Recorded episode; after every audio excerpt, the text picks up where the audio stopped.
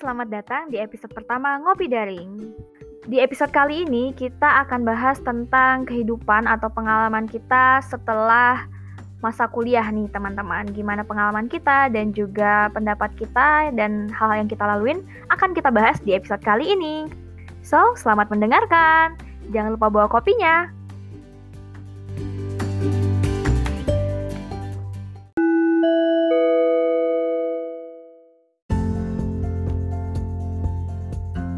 Sebelum kita mulai karena di pilar biasanya kalau sebelum mulai itu kayak ada check in gitu kita check in dulu. Um, check innya adalah sebut hal yang kamu sambatin hari ini. Oke? Okay? ya uh, hari ini yang aku sambatin itu uh, habis berantem sama cewek. Nggak berantem sih ya kayak ya ribut dikit lah gitu gara-gara lagi jalan bareng terus aku ngeliatin pantat cewek lain gitu lagi lari sore. Jadi ngambek gitu. Aku ya iya denger gak sih? Notice apa enggak? Every time kalau kita ngomong soal pasti kayak everything about girl. Ya gimana ya bosku? Terus tadi tadi pagi aku di tempat magang sama si siapa? Sama kepala bidangku uh, di tempat magang tuh ditanya gini uh, Apran ganteng sekali pagi ini. Oh iya Pak, Alhamdulillah gitu. Terus dia nanya, udah punya pacar belum? Belum Pak, saya jomblo 2 tahun. Allah masa ganteng-ganteng gak punya pacar? Masa ganteng-ganteng jomblo katanya gitu. Hmm. Ya aku nggak bisa jawab cuma hehehe gitu doang. Terus kamu kesal? Ya jadi kayak kesal aja jomblo gitu. Kesel jomblo tapi pas aku jalan sama cewek ya akunya brengsek gitu. Jadi akhirnya berantem lagi berantem lagi gitu. Nggak nggak selesai selesai. Oke oke oke oke. Aku paham arah bahasannya gitu. ya. Jadi check-in hari ini kita akan bahas tentang apa yang kita sambatin hari ini.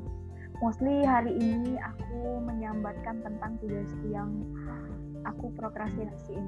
Prokrastinasiin aku apa ya kayak kayak aku menunggu timing untuk mood mengerjakannya gitu. Tapi as always hmm. kalau aku aku merasa bersalah ketika aku sehari itu merasa bersalah karena aku nggak ngerjain sesuai waktu.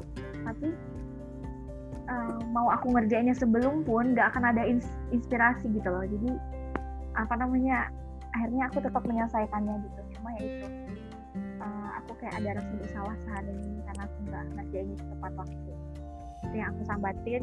Yang kedua oh ya internet hari ini ya internet kalian hari ini aku sambatin. Aku malah mikir ya kalau aku ke Padang tuh kayaknya aku bakalan susah internet sih ternyata tidak. Aku lebih merdeka internetnya di sini daripada di kos di sini internetnya lancar ya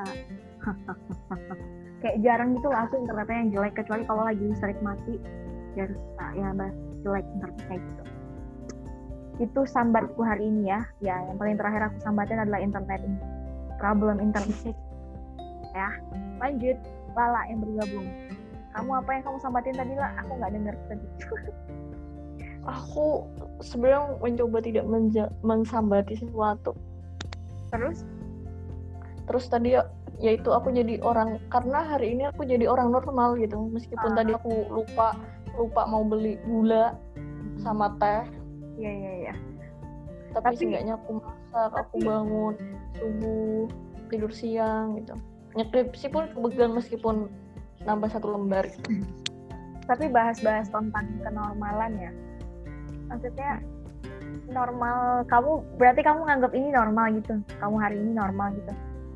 Iya. Padahal menurutku kemarin kamu yang normal hari ini kamu yang gak normal. Tapi kayak standar kenormalan itu yang gak jelas gitu. Normalan normal itu ketika mayoritas seperti itu berarti kamu normal. Nah aku melihat kamu mayoritas kayak gitu. Berarti kamu selama ini itu normalnya lala gitu. Setelah hari ini berarti you're not normal Iya bener Iya juga sih. Ya normal itu siapa? Coba normal versi orang-orang. Ah, normal versi orang-orang. Ya berarti tidak normal untuk kamu kan? Tapi orang-orang melihat. Oke, okay. lanjut. Jadi tuh kemarin tuh sempat terjadi perang hebat antara aku dan juga me and my mom. Jadi itu kayak. Apa tuh? Kayak di ya kayak ada aku pergi gitu terus baliknya tuh nggak nggak ngabarin gitu tapi aku udah ngechat adik gitu. Terus kayak ibuku tuh uh, you know my mom so so so so angry angry angry so bad. Ini aku ngomong bahasa Inggris Indonesia ya. Angry angry so bad. And then she doesn't want to listen to me ya. Terus aku kayak mungkin di situ aku udah penuh gitu ya udah kayak udah berapa bulan aku di rumah terus kayak aku udah penuh gitu terus aku langsung keluar semua gimana mau jadi orang tua yang baik?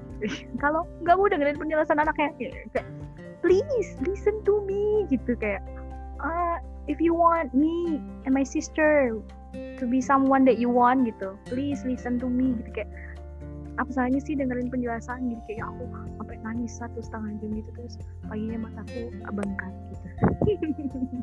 Itu kayak bengkak terus? tapi you know pasti kayak ya orang tua di gitu kayak jawabannya cuma kayak uh, pintar ya kamu jawab sekarang you so you're so smart gitu. Jawab gue sekarang yeah, yeah. Kayak, oh yaudah keluar keluar keluar. Aku kan lagi di kamar ini gitu. keluar keluar keluar gitu. Udahlah udahlah udah malam gitu. Nggak mau bahas gitu. So gue bilang tuh kan gitu kalau dia ada masalah gitu. Mau bahas mau bahas kamu kelar nih gue bilang. Terus kayak aku menangis di kamarku sambil kayak sengaja ngomong keras gitu gimana mau jadi orang yang baik? Hmm, cobalah sekali dengerin omong anaknya gitu. Aku keras sampai kedengeran sampai sampai sampai ibuku. Itu sumpah aku benar-benar orang hebat. Sama ini aku nggak mau ngomongin tentang apa ya apa yang aku rasakan itu di situ aku keluarkan semuanya. Satu sisi aku ngerasa kayak sumpah gue bego banget. Tapi kayak nggak aku udah nyampein semuanya lucu gak sih? Aneh gak sih? Aku sudah berani harus sering-sering kayak gitu. Tapi itu ya dia itu ya biasanya. Ayahku tuh kayak kayak ngerespon gitu. Tapi sekarang kayak udah ternganga mungkin buat aku. Hah bisa buat sekarang gitu gitu. Kaget ini anaknya apa bukan gitu? Nah, adikku udah bangun semua terus kayak ngeliatin doang. What happened? Apakah terjadi banjir gempa atau hmm. apa sih? Ini gitu. Lalu aku nangis nangis sih lalu kayak tiba-tiba nangis kayak aku ini giniin bantalku uh, aku aku apa sih? Kayak kayak, kayak apa sih? Apa sih? Aku tanya-tanya bantalku kayak mengalirkan ke sana. Terus aku tutup kepala aku sama bantal terus aku teriak eh, gitu. Kayak nggak jelas gitu. Kayak gila aja. Sumpah. Ya gitu sih. Tapi sampai sekarang aku apa ya kayak berusaha nggak terlalu banyak interaksi sama ibuku kayak I don't know I I just need a, a, a space gitu loh. Karena mungkin di rumah aku anak yang paling tua jadi ya gitu deh ya gitu deh kayak ya nggak tau lah mungkin tadi ya lah semua tentang ekspektasi gitu. Aku yang berekspek ini tentang orang tuaku dan orang tua gue yang ini ke aku gitu. Tapi kita tidak saling mengkomunikasikan ekspektasi kita masing-masing gitu. Dan kita mau dengerin satu sama lain gitu sih geng coba deh kalian kalau udah lama di rumah. Aku tuh karena lagi pandemi ini you can go anywhere you know. Apalagi di tempatku lagi marak-maraknya. Jadi emang kayak mm. mau healing pun ya susah gitu mau ya kita pasti butuh healing kan ya. Mau healing juga susah gitu. Coba peran kamu peran. Gimana menurutmu apa? Gimana gimana? Aku yang tadi. Meledak itu. Nggak jelas. Kalau menurutku kau ini harus sering-sering sih. Jangan jangan sampai baik-baik aja gitu. Biar maksudnya biar ibunya kau ini tuh apa, apa ya uh, biar oh. emosi gitu. Sumpah ini kamu kan. Ini Pradipti lupa nyalain gitu anjir kamu salah Kenapa? salah nanya deh Gak, eh, menurutku itu nggak apa-apa sih bagus ada ada luapan emosi yang meskipun orang tua nolak tapi sebenarnya dalam hatinya tuh pasti gitu ter, ter apa ya tersirat dalam hatinya tuh uh, apa ya ya sebenarnya anak anak gue ada benernya sih gitu. Hmm. tapi dia gengsi pasti pasti gengsi untuk ngomong gitu hebat padahal ya padahal gitu. padahal ya selama aku di rumah ini aku sering um, membahas tentang uh, apa namanya gap gap antara anak sama orang tua gap komunikasi lah kayak gengsi-gengsian gitu.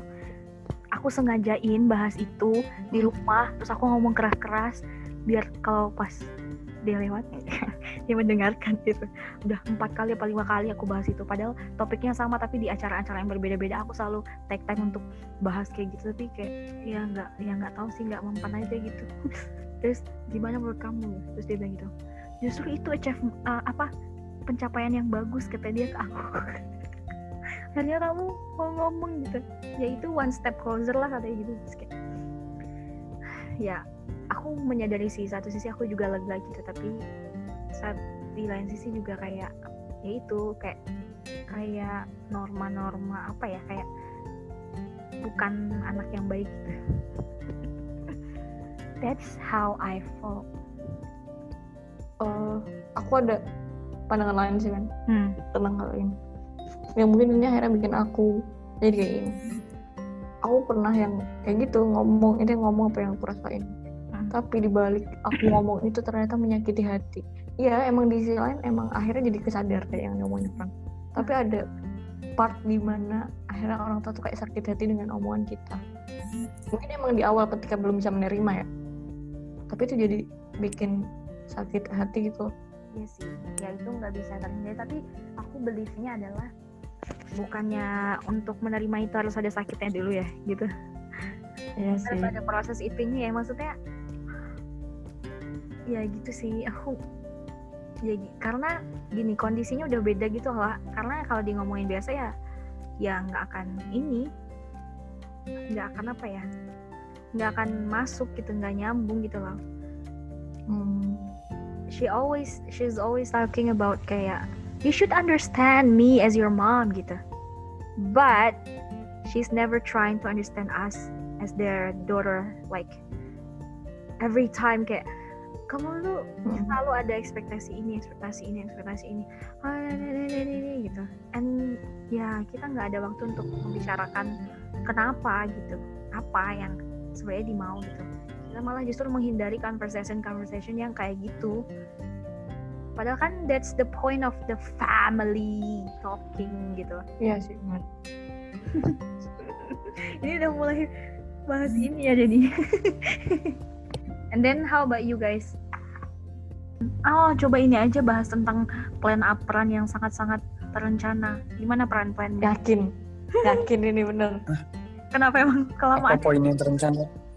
plan plan plan. Maksudnya plan kamu ke depan yang kemarin kamu bahas itu loh. How you can gimana kamu bisa memutuskan untuk kita butuh penjelasan mengenai prosesnya gitu. Kamu bisa memutuskan untuk berpikir bahwa aku kan cowok ya udah aku mau mikir jauh aja mau mikir yang jelas-jelas aja gitu.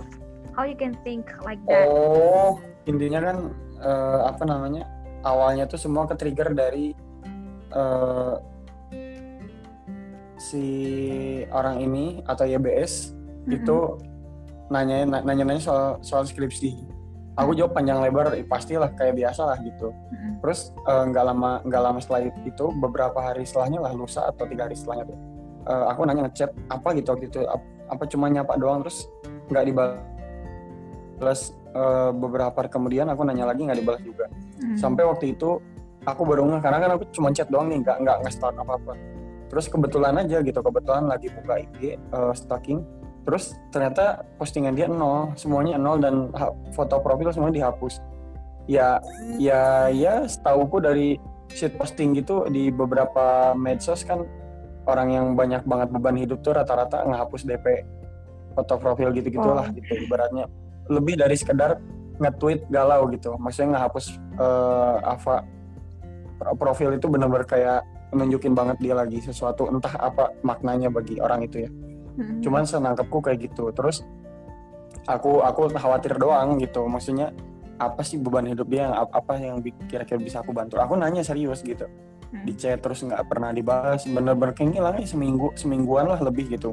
Hmm. padahal aku serius itu nanya sampai sampai aku nanya ke teman-teman gengnya. Terus teman-teman gengnya malah jawab hal yang nggak nggak nggak enakin gitu. Kayak lu ngapain sih pernah masih nanya aja gitu. Hmm. udahlah urusin hidup lu sendiri aja gini gitu segala macam. Dan aku heran kenapa serempak semuanya jawab sama gitu. Hmm. semuanya jawab hal yang sama gitu. Udah nggak usah nanyain dia lagi segala macam. Loh kok bisa gitu? Terus eh, pada akhirnya ngechat. Dia akhirnya ngechat dan tahu nggak ngechat apa? Ngechat nanya skripsi lagi. Dan Hmm. bayangin semua chat yang aku chat sebelumnya itu cuman dirit doang nggak nggak ada satu pun yang dimention ya otomatis nggak aku jawab pertanyaan dia. Terus aku langsung bilang kita harus ketemu. Aku mau ngomong serius gitu. Hmm. terus eh, akhirnya pada akhirnya dia ke Semarang. Eh, aku ketemu di antara kata karena kita udah dua tahun gak ke sana aku nggak pernah ngejejakin kaki lagi di antara kata terakhir itu sama dia. Pertama dan terakhir lagi maksudnya. Hmm. Terus aku ngasih foto yang selama ini ada di dompet aku aku kasih. Ini aku kasih buat apa namanya buat indikasi ya buat apa ya, ibaratnya finish ini garis finish aku gitu. Aku udah selesai aku udah aku udah muak gitu. Aku nyangka selama dua jam nunggu kamu di cafe ini aku dari tadi mikir apa nanti aku bakal sedih yang ngomong kayak gini. Ternyata enggak. Ternyata yang keluar dari semua mulut aku tuh cuma kebencian. Ternyata yang keluar dari semua perasaan aku tuh cuma dendam. Ternyata yang cuman yang yang ada di tatapan mata aku tuh cuma kemarahan. Aku cuma ngasih ini sama kamu lima menit doang. Aku cuma bilang aku udahan. Aku gak akan ngepoin kamu lagi. Aku nggak akan nanyain apa apa lagi sama kamu aku udah blokir semua medsos kamu dan semua medsos teman-teman satu geng kamu. Aku bilang kamu aku cuma sediain satu sisa lain. Itu cuma urusan media sisanya udah. Setelah nanti kita sama-sama lulus kita udah nggak kenal beberapa tahun ke depan. Aku bilang gitu. Terus dia bilang "Eh, ya itu terserah kamu sih plan itu hak gitu. Cuman ya aku aku pengen kita nggak ya kan kita nggak enak ya orang kalau punya musuh gitu. Bagusnya sih kita tetap jaga hubungan baik-baik segala macam. Ya kadang aku bilang ya kadang kita yang nyiptain musuh kita sendiri. Kita nggak perlu nggak perlu nyalahin orang atas apa yang dia perbuat gitu. Kadang kita yang nyiptain musuh musuh, musuh kita sendiri ya kita cukup sama-sama pahami hal itu aja deh. Dan eh, aku mau ke depannya nggak ada saling nggak ada saling ganggu lagi sih. Kamu kalau misalnya mau nanya skripsi apa apa segala macam kamu tanya dulu ke 19 orang yang ada di kelas. Kalau sampai satu orang pun itu nggak ada yang jawab baru ke aku terus ke- kemarin nanya terakhir dua minggu lalu apa kalau salah waktu aku awal-awal magang. Dia nanya itu sampai yang masuk kan aku udah hapus kontak tuh. Yang masuk tuh nomor nggak dikenal gitu. Skripsi ini penting cuma kamu yang bisa jawab. Aku mikir oke berarti udah nanya nih sesuai yang aku amanatin tadi. Terus dia bilang dia cuma nanya aku diminta Bu Anas ganti ke kuanti daripada systematic review soalnya udah cocok bab 1 sampai 3 nya kira-kira gimana peran ganti nggak? Ini hal yang nggak usah ditanyain sama aku nggak usah nanya gitu terus dia cuma jawab ya udah pakai caps lock. Ya udah itu ketegasan gitu. Aku aku nggak mau lagi di apa ibaratnya? Ya gitulah udah cukup lah. Maksudnya udah udah udah cukup. Kenapa? Karena aku lihat ini udah di semester 7 dan uh, aku udah mulai magang. Dunia kerja tuh udah bener-bener ngebuka banget mata aku akan realitas hidup gitu. Bener kayak ilmuku tuh semua tiga tahun ke belakang tuh nggak ada yang kepake. Cuman dikit banget paling dari 0 sampai 100 ya cuma 20% lah gitu. 20% tuh 15 persennya kebijaksanaan dalam tanda kutip kemanusiaan aku di psikologi gitu. 5 persennya baru teori gitu. Sumpah bener-bener sedikit banget yang kepake. Bahkan supervisorku itu empathy. Hmm. dia magister psikologi dari UI Hmm. satu kuliah sama Bu Ikong. Dan dia sendiri yang bilang saya tuh lulusan psikologi UI bareng sama Bu Ikong 2002 dan berapa belas tahun saya kerja di sini tuh nggak semua teori psikologi bisa dipakai nak gitu. Yang dipakai tuh etos kerja kamu kedewasaan kamu inisiatif kamu kinerja kamu yang bagus taktis sigap gitu kan tanggap segala macam. Jadi bukan teori gitu. Hmm. kita tuh adaptasi dan eh, ikut lah sama hal-hal yang ada secara realistis gitu. Nggak dasain dasolen doang. Hmm. kita nggak hanya ngebicarain gap secara teoritis kita kejar gitu gapnya. Itu benar-benar ngelihat ya aku tuh benar-benar kurang secara kompetensi untuk kerja. Contoh speaking English aja nggak usah jauh-jauh soal conversation ya. Introduce myself aja selama satu menit untuk wawancara kerja. Aku masih ragu-ragu. Hmm. tes TOEFL aja nggak nyampe 500 kok. Gitu dan banyak banyak banget hal yang ternyata aku mikir ini berapa bulan lagi aku harus lulus dan kompetensiku masih sangat jauh. Yang padahal meanwhile nih ya aku mikir selama ini aku udah siap gitu. Itu baru-baru kayak jatuh banget. Ya aku mikir selama ini aku ke mana aja? Aku jadi pembicara organisasi aktif terus di mata adik-adik tingkat aku tuh wah segala macam. Tapi ternyata jauh parah jauh gila. Hmm. dan aku mikir aku di, aku beberapa tahun ke belakang disibukkan dengan hal-hal yang konyol. Disibukkan dengan hal yang tolol gitu. Hmm. kenapa nggak aku tuh ikut exchange ke luar negeri kayak atau kayak eh, benar-benar rintis usaha yang serius gitu. Atau kayak ikut lomba debat kayak KWNI atau nggak harus debat deh lomba karya tulis ilmiah dan sebagainya yang benar-benar itu tanda kutipnya emang serius nggak ngebuang waktu karena definisi ngebuang waktu mungkin kalau udah di dunia kerja itu ya intinya apa hal yang nggak efektif atau yang nggak mencapai tujuan ya Hmm. apa yang nggak efisien ya itu namanya membuang membuang waktu gitu Hmm. dan aku mikir selama ini aku udah ngebuang waktu meskipun aku pikir ya aku udah aktif organisasi udah segala macam udah banyak pencapaian tetap itu membuang waktu karena tetap ada tetap aja hasilnya tuh nggak nggak mempersiapkan aku untuk dunia kerja gitu atau Hmm. untuk dunia pasca kampus gitu Dan aku mikir aja gitu baru mikir eh, gimana nasib aku nanti gitu setelah lulus ternyata visionerku tuh nggak berguna aku Hmm. nanti berencana jadi menteri lah, jadi presiden lah, jadi apa? Aku nggak apa ya hal-hal kayak gitu ternyata nggak berguna. Kalau aku tuh nggak nggak nggak bisa lihat eh, nggak bisa lihat peluang depan mata. Aku tuh emang adanya ini ya ini gitu. Bukan apa apa yang aku rencanain yang jadi masalah tuh gitu. Jadi aku mikirnya ya sekarang realistis aja kalau misalnya dia bukan jodoh aku udah tinggalin gitu. Gak usah sibuk dengan hal yang sifatnya menye-menye banget gitu. Aku tuh cowok gitu loh, nggak usah nggak usah terlalu menyibukkan diri dengan hal yang sifatnya bakal ngubur hidup-hidup diri sendiri itu. Kenangan ya kenangan. Ya harapan harapan, tapi reali- realistis hidup ya realistis gitu. Jadi aku mikir ya udah sekarang berarti aku punya uang berapa, pakai untuk apa jelas gitu. Nge-gym, magang, beli pulpen, nulis, eh, skripsi, bikin puisi, aktifin blog lagi, semuanya jalan sekarang. Hmm. Semua semuanya udah jalan. Gitu dan alhamdulillahnya sekarang satu persatu impian aku udah mulai terwujud dari 2019 aku pengen beli sepatu yang selama ini uangnya kepake buat apa buat beli beliin cewek apa lagi pengen boneka beliin boneka dan itu nggak murah ratusan ribu tapi sekarang sedikit-sedikit aku udah mulai bisa beli sepatu. Dan alhamdulillahnya mungkin keluarga aku lagi ada rezeki dibeliin motor. Nanti Desember baru baru dapat mos. Jadi eh, aku udah mulai lega gitu. Bukan bukan senang ya bukan bahagia. Aku nggak bisa nggak bisa mendeskripsikan ini sebagai kebahagiaan belum. Tapi seenggaknya udah banyak hal yang sifatnya tuh oh lega ya hidup kayak gitu. Gitu jadi benar-benar kerasa self love itu bukan hanya sekedar Bismillah besok aku udah mulai berubah. Enggak gitu. Nggak ada kata kayak gitu. Pokoknya besok aku udah emang nggak ngelakuin itu lagi itu udah cukup gitu. Lebih dari sekedar cukup. Dan aku ngerasa ini yang namanya lega gitu. Aku nggak ngerasa butuh perhatian dari orang aku nggak ngerasa butuh harus snapgram tiap hari. Aku nggak ngerasa harus nyari atensi untuk dicat sama orang lain segala macam. Bahkan aku nggak nggak megang HP pun lega aja gitu. Kayak antara antara kesepian dan sepi itu emang lebih menderita kesepian ya tapi aku cuman cukup ngerasa sepi. Tapi aku nggak ngerasa kesepian itu oke gitu. Hmm. aku emang sepi maksudnya nggak dicat siapa-siapa segala macam atau nggak kayak punya banyak temen dan sebagainya gitu. Kalau at- kayak di senat undip banyak yang dapat apa ngasih atensi enggak juga gitu. Tapi aku nggak kesepian gitu. Aku Hmm. ngerasa diri aku sendiri udah nemenin sejauh ini lebih baik daripada siapa pun dan aku udah apresiasi itu dan itu udah cukup banget. Nggak nggak tahu kenapa dan lega aja gitu. Lega. Sehingga keputusan-keputusan yang aku buat jauh lebih realistis dan bermakna gitu bukan untuk jangka panjang tapi hari demi hari hari ini dan kemarin gitu Oke. nggak tahu aja lebih lebih enak aja hidup sih itu long lebih lega A lot of Gitu things sih ini. tell ya. Kayak banyak banget ya bahasannya. Maksudnya, oh aku nangkap-nangkap sih. Tapi aku lebih lebih tertarik sama bahasan kamu yang bisa nemuin apa namanya ya bisa insight lebih ya lebih realistis gitu tentang pekerjaan karena mungkin aku di usia kamu belum sampai mikir kayak gitu, tapi karena aku udah di usia aku sekarang dan aku in that position juga merasa memikirkan kayak gitu gitu. Dan ya it's the good thing selesai kamu bisa mikir kayak gitu. Dan lah yang menurut aku yang paling menarik adalah ketika dia bilang tentang Hmm. self love itu tadi gitu. Eh skill lagi lagi ya. Akhirnya dia ngomong serius ya lah dari tadi Mm-mm. ngomong sampai dia. Akhirnya. Akhirnya. Emang harus dibancing deh. Ya, kita harus berikan apresiasi ini ya selamat. Hati-hati kumat lagi Ben hati-hati. Oh ya, maaf jangan nanti jangan banyak banyak. Hati-hati. Nanti dia Mm-mm. lagi ya terbang terbang tuh. Kumat. Terbang to surga gitu. Like to heaven.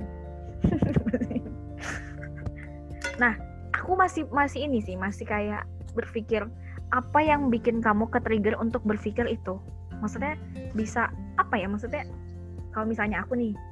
Penderitaan apa gitu ya? Yang bikin gitu? penderitaan ya, mungkin kayak kayak fenomena apa bisa misalnya kalau aku misalnya ke trigger tuh kayak ngelihat apa gitu atau tiba-tiba ada ini atau ada apa gitu atau kamu emang tiba-tiba dapat hidayah lightning gitu lightning kalau tiba-tiba dapat hidayah kayaknya enggak cuman aku dulu kemarin-kemarin tuh pernah nanya ke Kalala kan waktu konsultasi materi buat jadi pembicara. Terus aku bilang, aku nanya nih ke Kalala, pernah ngerasa gagal ngisi nggak? Terus kata Kalala pernah.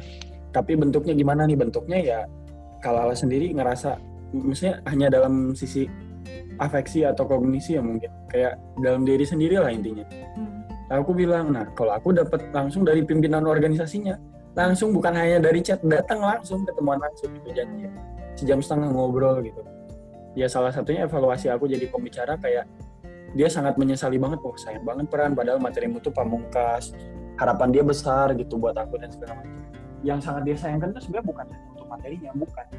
Tapi dia ngeliat lah CV-mu itu kompetensimu itu benar-benar menggambarkan kamu harusnya wah. Ya harusnya jos lah gitu. Tapi kok nggak sesuai ekspektasi gitu dan sebagainya. Dan itu benar-benar nyentil banget kayak uh, oke okay, itu satu. Yang kedua nggak lama dari itu aku ke bengkel motor sama Dava Dava Dava bilang nggak ada nggak ada hujan. Dia bilang aja habis habis kayak nonton TV mungkin di layar ruang tunggu gitu. Dia Noel terus dia bilang coba dong uh, kenalin diri kamu selama satu menit pakai bahasa Inggris pelan gitu. Terus aku nanya dulu nih kenapa Dav gitu. Kok tiba-tiba terus dia dia langsung ngeliatin HP aku habis habis buka LinkedIn gitu. Uh, pengalamanku nggak banyak dikit gitu. Tapi deskripsiku secara bahasa Inggris mungkin ada. Tapi pengalamanmu para maksudnya LinkedIn aku itu udah kayak udah kayak di scroll ke bawah gitu. Banyak banget lisensinya pengalaman segala macam banyak. Tapi statusmu kosong. Deskripsimu tuh deskripsi dirimu kosong. Seenggaknya ada bahasa Indonesia nya ternyata enggak sama sekali. Tapi kamu nyediain moto pakai bahasa Inggris. Sekarang jelasin satu menit aja tentang diri kamu. Apa pun bebas introduce yourself lah terutama tentang organisasi. Anggap ini lagi wawancara kerja. Dan jawaban aku singkat banget. Aku bilang aku belum bisa. Iya, kesimpulan dia juga singkat. Ya berarti kamu belum siap kerja. Pulang dari sana aku mikir keras. Selama ini aku ngapain aja di kampus? Gitu. Se karena aku mikir gini, pada hakikatnya sebenarnya ikut organisasi mahasiswa itu dari segi dari sudut pandang pemerintahnya.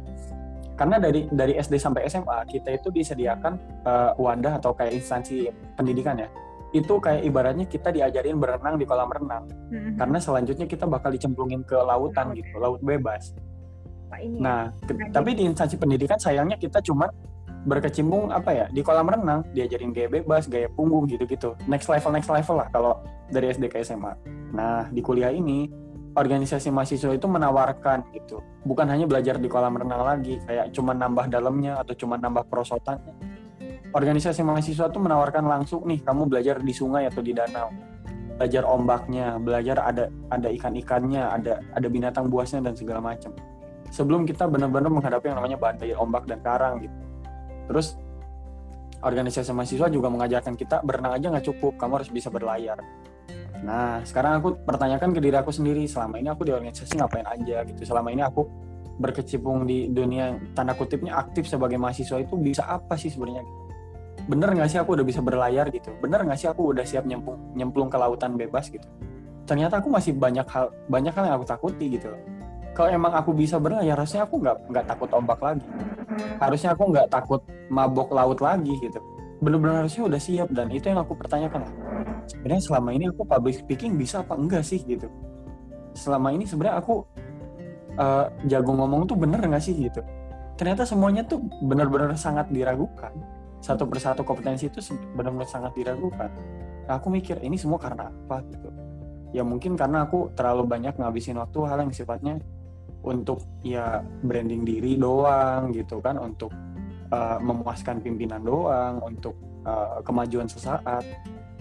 Uh, atau cuman untuk mati-matian ngebela organisasi padahal organisasi nggak akan mati-matian juga ngebela kita di suatu saat nanti gitu. Ya diri kita sendiri gitu kan. Ya mungkin itu hal-hal yang aku uh, apa ya luput dari diri aku beberapa tahun ke belakang ini. Jadi aku mikir sayang banget ya gitu. Maksudnya hal jadi menjadi penyesalan itu bukan karena aktifnya bukan tapi aktifnya tuh aktif yang tidak produktif gitu. Aktif yang gak efektif. Jadi aku mikir ya ya gimana? Maksudnya uh, aku melihat mungkin ada orang-orang yang uh, aktifnya cuma di satu organisasi dan itu paling cuma ya setahun doang lah terus hmm. dua tahun doang dan nggak jadi apa-apa juga dan sebagainya. Tapi internship di mana-mana maksudnya dia dapat panggilan ini itu dan sebagainya cuman lihat sekarang bisnis dia seberapa banyak dan dia adalah satu-satunya mahasiswa yang masih mahasiswa yang sekarang diterima kerja bukan internship lagi kerja di BUMN salah satu BUMN di BUMN di Indonesia. Hmm. dan dia bilang ya jabatanku bukannya sekedar staff paling bawah ya aku dibarengin sama beberapa staff yang udah senior sebagai staff HRD gitu. Dan mewawancarai langsung calon supervisor kayak gitu gitu dan aku mikir oh hebat banget gitu. TOEFL dia nyampe 500 lebih sampai 500 berapa puluh lah 590 kalau nggak salah atau 580 TOEFL-nya bagus speaking English-nya bagus uh, pengetahuan dia tentang ekonomi saham semuanya jalan politiknya juga bagus. Ya aku mikir ya sampai sekarang aku cuma tahu sebatas politik kampus tapi politik di negara nggak tahu. Pemerintahan mahasiswa tahu tapi pemerintahan Indonesia nggak tahu. Jadi kayak sebenarnya aku tuh kentang. Hmm. dan aku se- sesoan itu gitu. Paham kalau eh, besok aku siap kerja pengalaman udah banyak CV udah numpuk gitu sertifikat udah udah udah nggak kayak itu ternyata nggak nggak menjamin hal kayak gitu. Sumpah nggak menjamin banget. Oke. makanya dari sekarang ya aku mikir ya ngapain lah sekarang aku ngomongin cewek dulu. Toh hal-hal kayak gini aja tuh masih tempe banget gitu. Ngomongin diri sendiri aja masih tempe banget. Aku harus ngomongin hidup orang lain bukan cowok gitu. Jadi aku mikir ya udah sekarang stop dulu. Hal yang sifatnya itu bakal bikin down lagi bahkan bikin ngerusak fokus ngerusak uh, kehidupan dan sebagainya itu udah cukup. Bahkan hal yang sifatnya serius pun kayak senat undip dua hari kemarin tiba-tiba uh, karena aku mungkin gak ikut sidang karena izin. Izinnya juga jelas karena ada agenda bedah, bedah buku.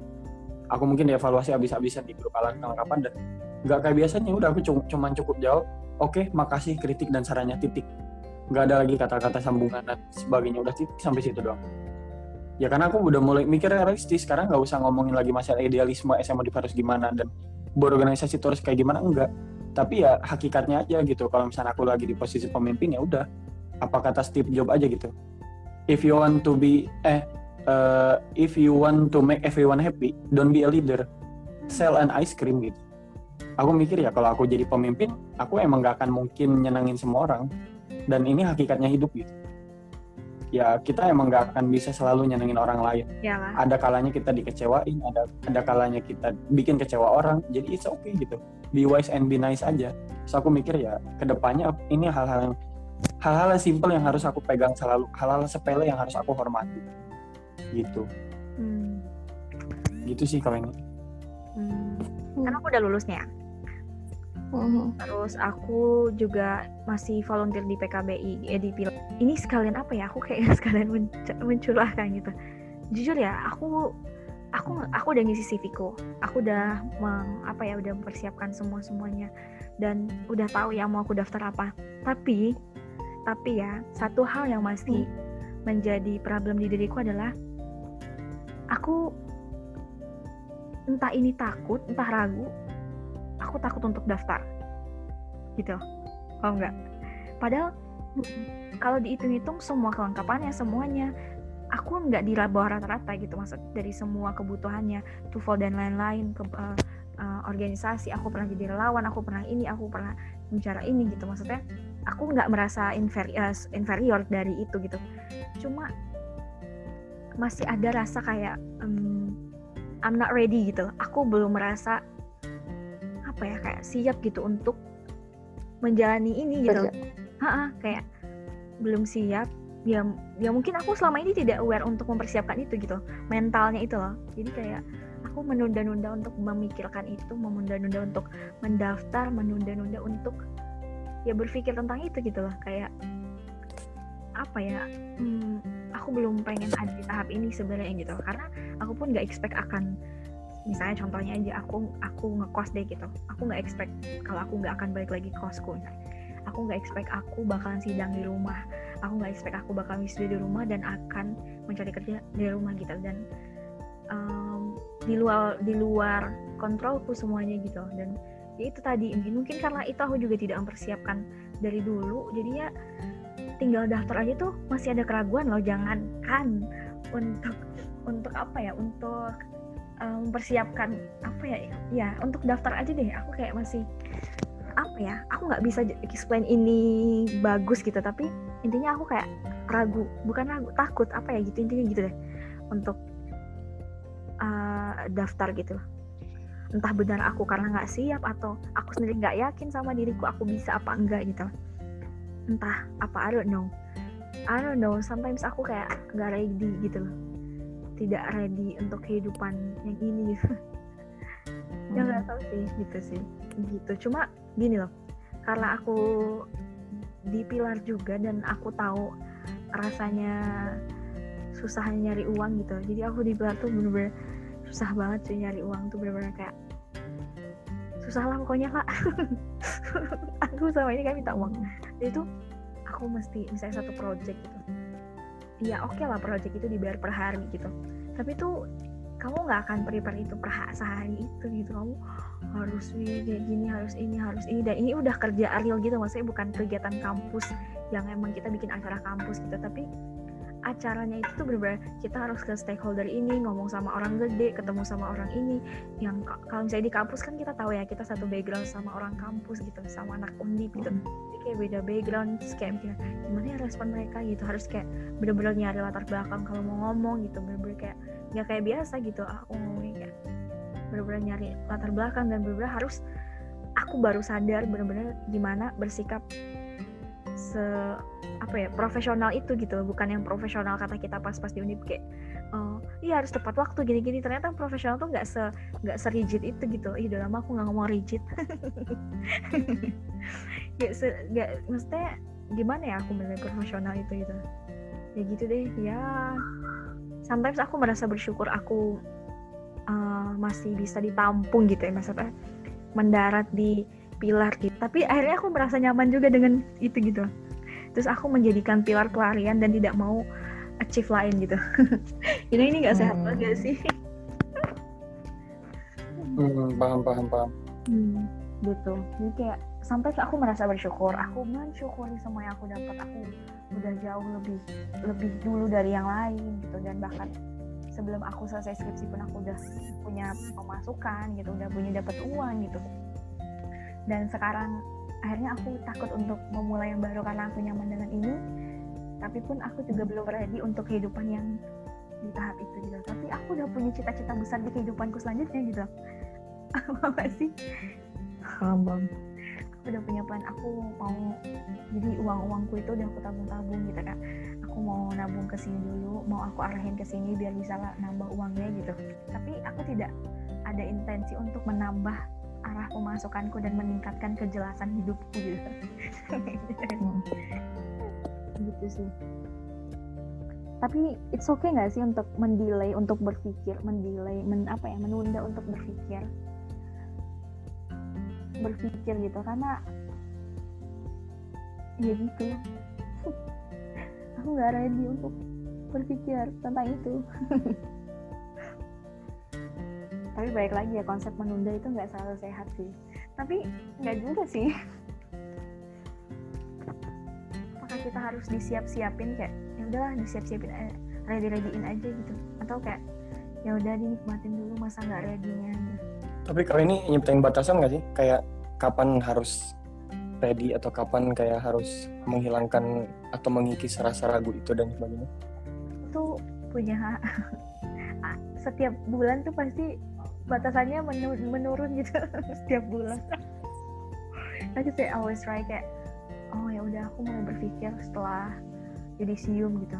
Oh ternyata aku jadi gini guys aku setelah batas setelah sidang itu dan setelah selesai revisi sampai yudisium itu hampir hampir almost sebulan gitu. Jadi itu aku setelah udah selesai ngerjain skripsi udah selesai semuanya itu kan masa di mana kamu bener-bener landing dari kegiatan kampus gitu benar-benar start landing dan not not doing anything gitu selain pilar nah, kegiatan kampus lah gitu. Terus aku sudah mulai berpikir untuk oh kayaknya aku harus nyari kerja deh gitu nyari nyari ini dulu gitu. Oh ya udah deh aku menunda berpikir dulu deh kayaknya aku waktunya untuk istirahat gitu. Udah nanti pas yudisium aja saya yudisium gitu. Pas saya yudisium udah official pengangguran kayaknya aku mau ngerasain pengangguran sebulan dulu deh. Setelah sebulan itu aja deh aku mau mikirin kayaknya aku belum siap. Dan setelah sebulan ini kayaknya aku nunggu sudah dulu deh baru mau mikir gitu. Kayak gitu loh dan aku sudah hmm. udah bentar lagi Oktober kayak Oktober terus apakah aku akan menunda lagi untuk berpikir gitu. Even untuk memikirkan kos-kosan gitu jadi kan aku kosanku masih bayar ya. Tapi aku masih kayak menunda untuk memikirkan kos-kosan gitu untuk ngepack barang gitu-gitu kan. Karena kos-kosan itu salah satu reason aku untuk ya, kayak apa ya kayak magnet biar aku masih ada reason untuk balik gitu ke sana gitu. Karena masih ada mikir kayak aku nggak balik atau gimana? Aku mungkin udah jelas gitu loh. Gimana kalau gimana? Kalau aku bingung jadinya. Bingung nggak kemarin tuh? aku juga ngerasa gini kemarin tuh ada temanku kan yang di kosku. Dia si Karlin si Karlin mana Karlin kerja tapi dia akhir kayak dia daftar nih di apa sih aku lupa di bawah pokoknya tentang kayak biro psikologi gitu. Cuman kayak kayak nggak ada kejelasan gitu. Maksudnya nggak ada kejelasan antara dia diterima atau enggak gitu. Kayak di ghosting sebulan lah katanya gitu kan terus Hmm. dia nyoba nyoba yang lain. Dan itu eh, dia awalnya nyobanya adalah admin. Hmm. ya udah kayak ya udahlah kerja apa aja gitu admin. Nah tapi dari yang tempat kerjanya karena tahu dia psikologi gitu terus kayak disuruh diminta buat jadi marketing apa ya? Marketing apa? Kalau nggak marketing gitu nah, terus dia di situ kayak eh kan dia harus di training dulu kan. Dia di kayak udah kayak mau ter- istilahnya terima di training terus ada percobaan berapa bulan terus nanti kontrak ini kayak gitu. Nah dia tuh kayak ngerasa bener gak sih aku ambil ini Hmm. beda intinya beda. Beda sama apa yang dia mau apa yang dia harapin gitu. Tapi dia sempat ingat, ingat juga kalau dia tuh dulu pengen marketing juga kayak Mary Riana gitu cuman pas ketika dia ngejalanin tuh kayak berat susah apa berat beda sama yang selama ini dia pelajari gitu gitu loh. Terus tuh dia kayak bingung apakah ini langkah yang benar yang aku ambil gitu gitu kan. Hmm. terus dia tuh sampai yang bener-bener apa ya gak ngerti bingung harus ngapain kayak ya udah jalan aja gitu. Dan karena emang ben- eh, ekonomi dan yang paling utama permasalahannya itu jadi kayak dia ngerasa kayak udah nggak kuat tapi harus gimana lagi? Terus akhirnya dia dia di di kawarku dia bilang kayak aku pengen katarsis aku nggak ngerti udah nggak ngerti lagi gitu. Terus akhirnya dia bilang kayak aku pengen nangis biar plong ya udah aku akhirnya puterin lagu YouTube yang sedih-sedih gitu kan. Terus aku tinggal dia di kamarku terus dia nangis gitu kan. Di situ katanya lumayan plong gitu kan. Terus pas kan akhirnya aku nganterin tuh dia ke bawah. Harusnya nginep di aku. Tapi nggak jadi. Dia mau nginep di tempat pelatihannya kan. Terus itu cerita cerita cerita sepanjang jalan tuh kayak kenapa aku jadi bangkit lagi gitu. Kayak aku udah lepasin semua terkait uh, mungkin idealismeku uh, tuntutan orang lain gitu-gitu ya. Dia udah mulai lepasin itu karena dia udah fokus ke uh, keluarga yang bisa bikin dia bangkit lagi dan ngejalan itu keluarga gitu karena dia bikin keluarga. Nah dari sekian banyak cerita gitu ya yang kamu lakuin yang apa tahu ya aku ngerasanya kenapa aku bilang aku sekarang banyak dibukakan banyak ditunjukkan aku banyak dikasih gitu. Aku aku nggak tahu ya setiap aku nerima cerita-cerita kayak gini tuh hmm, aku nggak tahu ya entah aku yang salah atau ini uh, cuma penenangku ya. Aku akhirnya nggak tahu beralih ke uh, religiusitas gitu Hmm. aku aku udah nggak ngerti lagi gitu. Aku nggak ngerti lagi. Mungkin ya itu juga bentuk ketakutanku. Kalau aku kayak Karin gimana kalau aku mungkin bingung kayak kamu gimana terus kalau aku setakut apa se semenyes kayak bukan misalnya ya menyayangkan se semenyayangkan kayak apa gitu. Mungkin aku lebih stres lagi gitu. Kayak Hmm. nggak ngerti nggak ngerti dan harus gimana harus ngomong ke siapa harus minta tolong siapa kan nggak ngerti gitu kan dan aku aku nggak tahu ya aku ngerasanya sekarang sih aku lebih ke religiusitas itu loh aku mulai tepat waktu gitu-gitu loh sholatnya. Karena eh, pun nggak nggak tahu kita nggak tahu ke depannya kayak gimana. Terlepas kita bisa merencanakan kita bisa mempersiapkan tapi gitu tapi menurutku kita nggak tahu bakal gimana ke depannya dan aku mungkin ya ini bentukku bentuk kemalasanku mungkin bentuk ketidakberanianku untuk keluar dari zona nyamanku kali ya. Nah, akhirnya aku ya udah fokusnya ke religiusitas gitu loh. Karena selain menurut selain menenangkan seenggaknya aku punya Sandaran. punya kesadaran meskipun tidak sepenuhnya bisa tapi bukan nggak ada wujudnya sih maksudnya nggak secara langsung kita rasakan gitu. Seenggaknya aku bisa Iya. uh, kayak gitu. Nggak tahu ya makanya makanya ketika ketika ada ya gitu ya akhirnya ini memang banyak cerita-cerita kayak gini loh masuk ke aku gitu. Padahal kondisinya ada aku tuh yang lagi baik lagi baik yang jadi orang baik jadi orang normal Hmm. moodku enak gitu ya. Tapi tuh aku nerima hal ini banyak gitu loh hal ini banyak. Terus kayak aku mikirnya apakah ini salah satu aku bentuk ditunjukkannya gitu. Aku aku diminta untuk mungkin lebih baik lagi terlepas dari ibadah maupun mempersiapkan diri kayak gitu loh Hmm. Eh, tapi kadang aku ngerasa ini mungkin ya itu istilahnya malesku dan ketidakberanianku untuk menghadapi itu semua gitu. No, that's jujur aku aku aku pun takut kadang aku kadang membayangkan gimana ya nanti aku bisa lulus ini. Apalagi aku kemarin juga sering ketemu Pak Amu kan Pak Amu bilang kalian mau kerja apa? Nah gitu kayak wah itu itu bikin aku mikir gitu cuman aku udah nggak bisa lagi ketika aku jatuhnya kebanyakan mikir. Kan aku gitu ya aku nggak biasa mikir. Jadi ketika aku mikir aku akan berantakan hidupnya. Hmm. Menurut gue bukan berantakan banget sebenarnya gak jelas Hmm. eh, nggak bisa keluar dari pikiranku sendiri gitu kan ya udah akhirnya gue ketika nerima cerita orang ya aku ngerasa juga aku ya takut tapi aku mencoba menetralkannya itu gitu loh Hmm. Maya aku, aku, aku tadi pas kalian cerita aku diem karena mungkin ada rasa takut juga rasa iya juga gitu cuman aku mencoba menetralkan itu gitu Iya, iya, iya. dan dan emang kayaknya aku tipe orang kayak gitu loh kayaknya aku udah pernah cerita kapan juga aku tuh tipe orang yang kalau udah pusing dengan pikiran emang harus lari ke situ gitu nggak bisa cara lain ya mungkin bisa lah katarsis dikit-dikit olahraga gitu cuman nggak nggak nggak nggak apa ya nggak benar-benar bikin aku sembuh lah istilahnya gitu.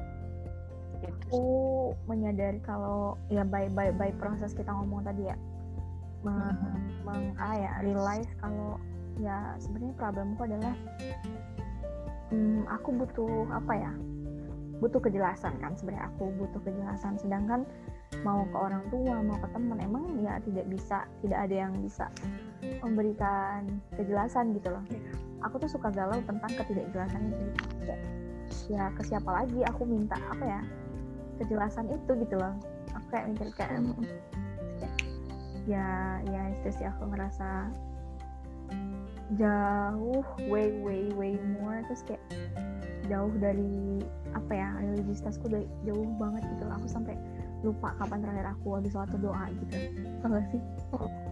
Bener-bener doa minta gitu. Lupa juga. Ya udah sekedar ya gitu deh. Nah, gimana ya? Aku di rumah. Ya aku nggak nyalain keadaan juga sih. Kayak gitu sih. Ya butuh guidance lah. Butuh apa ya? Butuh betul betul. gitu. Mm-mm. ya gitu sih ya. Udah. sebenarnya tadi Apran cerita kayak gitu aku sebenarnya ada tak, antara takut sama gimana gitu. Ya. mungkin ya. Itu yang apa? dia bilang eh, ya dia coba merilis tentang ekspektasi sosial dia gitu-gitu kayak Mm-mm. standar dia. Nah aku mikir lagi ya sebenarnya aku takut karena standarku sendiri sih gitu. Nah aku ngerasanya kayak gitu gue takut daftar tuh karena gue takut sama standar diri gue sendiri gitu kayak aku takut ditolak. Apa sih? Ya aku udah bilang gitu. Loh kenapa aku nggak daftar? Yang aku takutkan adalah aku takut ditolak. Iya benar kau ini. egoku adalah ah seorang kamu ditolak. gitu kayak masih kayak gitu sombong Hmm. aku. Gitu. aku ya aku Iya iya benar aku nyadarin bukan aku nggak siap tapi aku takut nggak siap ditolaknya itu. Nah sih benar nggak sih iya benar benar benar Hmm. benar benar. Paham kau ini. aku nggak siap ditolak dan aku masih dengan uh, egoku yang kayak haha seorang Wendy gini tolak Wendy dengan makanya tadi aku mention di awal kan kayak aku udah cukup pengalamanku gitu. Tapi ternyata yang aku butuhkan yang aku masalah diri itu adalah aku ya itu takut ditolaknya itu nggak siap menerima kenyataan di- gagal gitu karena ya aku balik lagi virus utama dari diriku adalah uh, ketakutan kalau aku gagal gitu. Salah satunya adalah ketika aku ditolak bekerja dan lain sebagainya gitu. Yang itu aku harus fix in sendiri sih gitu. Karena aku melihat many many many banyak orang yang gagal gitu dan I know how it felt like gitu. Bukan I know sih kayak aku membayangkan bagaimana sakitnya ditolak gitu dan uh, I don't want it happen to myself gitu. Kayak hmm, ya gitu. Tapi aku nggak tahu sebenarnya sesakit itukah gitu ditolak dan aku tidak mau mencoba untuk ditolak mencoba merasakan itu gitu. Iya. Padahal sebenarnya the best way untuk uh, belajar itu adalah ketika kita mau mencoba sakitnya itu ya. Tapi yang udah ready gitu lah. Ya iya iya ya benar aku akhirnya aku menemukan sendiri gengs. Sumpah. selama ini aku masih kayak bingung kenapa sih aku nggak mau gitu? Bukan bingung sih tapi kayak mantap lah. aku tidak mau mengungkapkan diri ya jujur ke diriku sendiri kalau sebenarnya aku takut untuk ditolak. Baik lagi sih karena ekspektasi diriku terhadap diriku juga ekspektasi orang-orang yang aku terap aku aku terapkan ke diriku juga gitu. Oh ini masa sih dia nggak keterima gitu kayak gitu loh, kayak oh my god nanti harga diriku jatuh ya kayak gitu. Gitu sih. bahkan ya saking aku shame ya sama kegagalan itu kayak aku nggak mau orang-orang tahu kayak no tahu aku udah daftar apa aja gitu. Karena kalau mereka tahu mereka akan ngulik terus tiba-tiba tahu aku nggak lulus nggak keterima gitu. Hmm. itu gak sih? Iya sih. Ya egoku di situ sih. Ya kenapa aku malu ya kenapa aku takut gagal ya takut gagal takut sakit padahal sebenarnya ya jadi orang tua mungkin That's right sih. Maksudnya bukan didikan sih. Aku ter, ter terkondisikan seperti itu kali. ya. Bukan didikan sih. Di orang tua nggak pernah ngajarin kayak, oh apa iya ya? Karena di keluarga aku tidak mentoleransi, bukan tidak mentoleransi sih. Apa ya? Kesalahan. It means kegagalan berarti kesalahan ya. Maksudnya aku mengkondisikan itu sebagai kesalahan kita tidak tidak ramah terhadap kesalahan. Our family nggak ramah terhadap kesalahan. Everything kayak accident atau kayak forget lupa about something kita tidak memaklumi itu, you know? Ya. Jadi aku kejam ke diriku untuk nggak boleh gagal gitu. Aku ngerasa gitu sih. Karena aku ngerasa gini, ketika aku gagal itu aku nggak punya sandaran gitu loh kamu gak sih ya balik lagi kayak aku kuliah gitu terus kayak ya udah kamu tanggung jawab sama itu kamu dan bener-bener tanggung jawab itu bener dilepas dan kalaupun aku gagal ya aku menanggung itu sendiri gitu.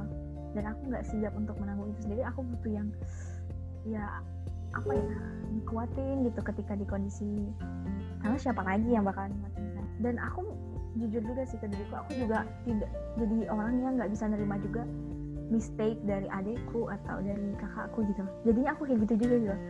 Aku tidak mentoleransi Hmm. kesalahan kegagalan mereka gitu. Ya nggak sih kayak aku nggak ramah sama diriku ya. Nggak ramah nggak ramah gagal gitu. Nggak ramah gagal. Aku jadi membayangkan ya bener sih. Terus gimana dong? Aku harus menya ya gimana ya aku? Tidak terima dengan kegagalan karena aku tidak ya tidak punya sandaran gitu rasanya ya. Kayak se, se, se- aku ngerasa sekuat kuatnya kita pasti kita butuh kayak at least orang yang menerima kita dalam kondisi terburuk kita gitu. Loh. dalam kondisi terburuk you know terburuk gitu ya gagal itu kondisi ter paling bawah diinjek-injek gitu. Berarti lo tiba-tiba dari kaya tiba-tiba gitu miskin segede di gelandangan gitu. Kayak ada orang aku butuh orang itu gitu. Dan saya butuh butuh adanya acceptance dari berbagai bentuk diriku gitu. Aku masih aku masih stay listening oh iya karena sempet disindir aku sama salah satu anak BEM Undip Apa? di sebenarnya bukan disindir secara langsung sih ya, mungkin dia bikin snapgram gitu dia dia bilang eh, teknik komunikasi yang paling baik apa ya dia bilang public speaking apa teknik komunikasi gitu dia ngekutip kata-kata dosen orang sering melupakan teknik komunikasi yang mereka sebut public speaking padahal komunikasi yang paling baik itu adalah mendengarkan gitu. jadi ya sejauh ini to apa ya aku nggak anti kritik lah gitu. Maksudnya nggak nggak anti saran nggak anti masukan. Bener-bener ya apa pun aku dengerin gitu. Jadi Hmm. kalau ada apa-apa uh, apa gitu ya pasti dengerin sampai habis gitu. Tapi gini aku bingung ya. Um, padahal aku sering banget jadi pembicara tuh ngomongin soal blaming something gitu. Blaming something tapi sometimes itu nggak works di diri aku gitu ketika ada sesuatu misalnya nih kondisinya aku saat ini kayak gini aku selalu baliknya nyalahin ke parenting gitu loh. Am I wrong? Gitu kayak ya ini udah terkondisikan dari sononya gitu loh.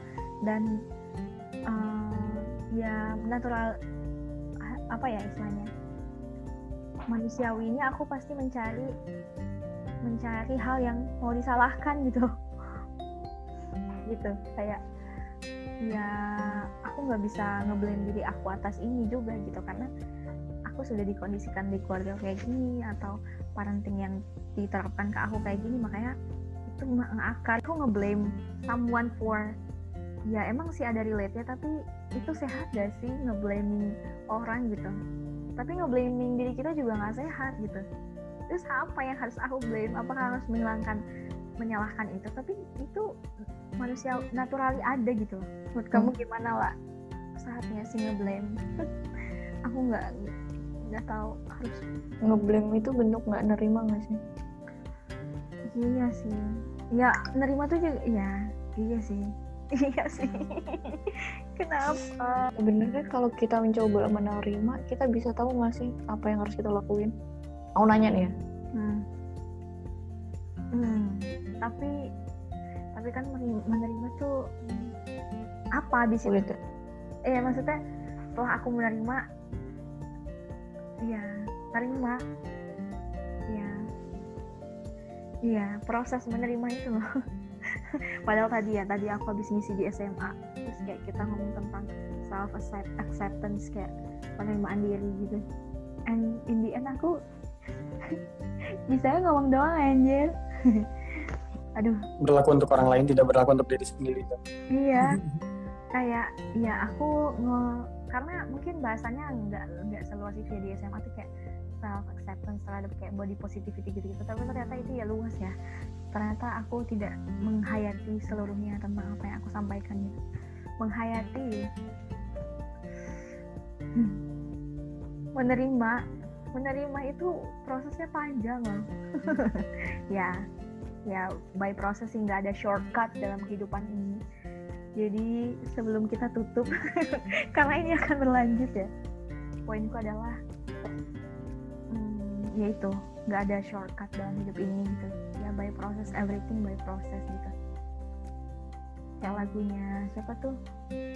Selena Gomez. Dia pengen trying to get shortcut gitu. Tapi dia yang kekat gitu dia pengen pakai shortcut tapi dia yang kekat gitu.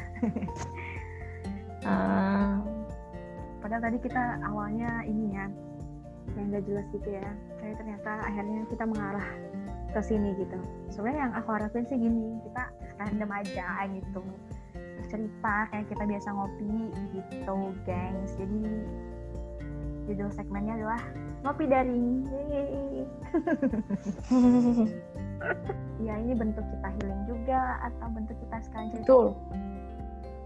Ya bentuk kita melihat another perspektif gitu. Kayak tadi aku sebenarnya kalau aku mikir sendiri kan nggak nyampe ya. Maksudnya ya nggak akan kepikiran kayak gitu gitu loh.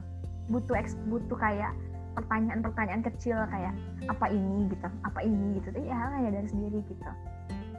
Kadang itu sih yang kita butuhin bukan kayak saran gitu ya. Jadi buat teman-teman yang dengar sometimes kita ngomong itu bukan butuhnya saran tapi cuma butuh respon kecil kayak gimana kalau gini atau kalau ini gimana apa ini ya maksudnya cuma sekedar gitu jadi kayak respon-respon yang bikin kita mikir ulang lagi dan link back kepada inti dari problem itu gitu bikin kita mengarah ke akar problem kita gitu.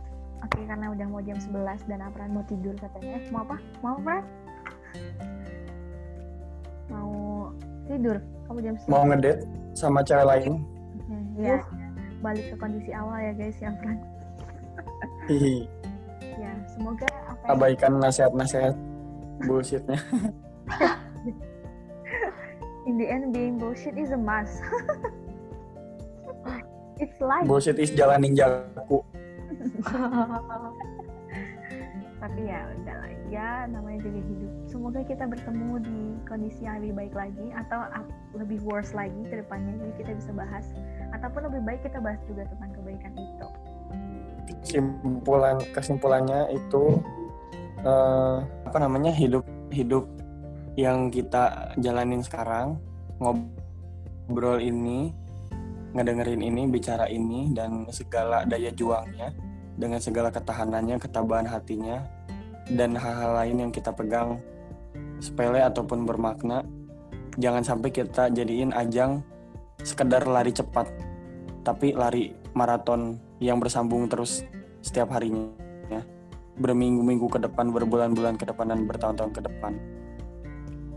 Bersama hidup kita gitu. Mantap jiwa miskin. untung dia normal ya iya untung ya aku aku udah antisipasi hal yang tidak diinginkan tadi. Aku ragu dia ngomong aneh. Antisipasi dong. Iya udah siap-siap aku. antisipasi nggak akan tepuk tangan. Ya tangan. Tepuk tangan tepuk tangan oke oke. Yuhu oke yuhu yuhu banget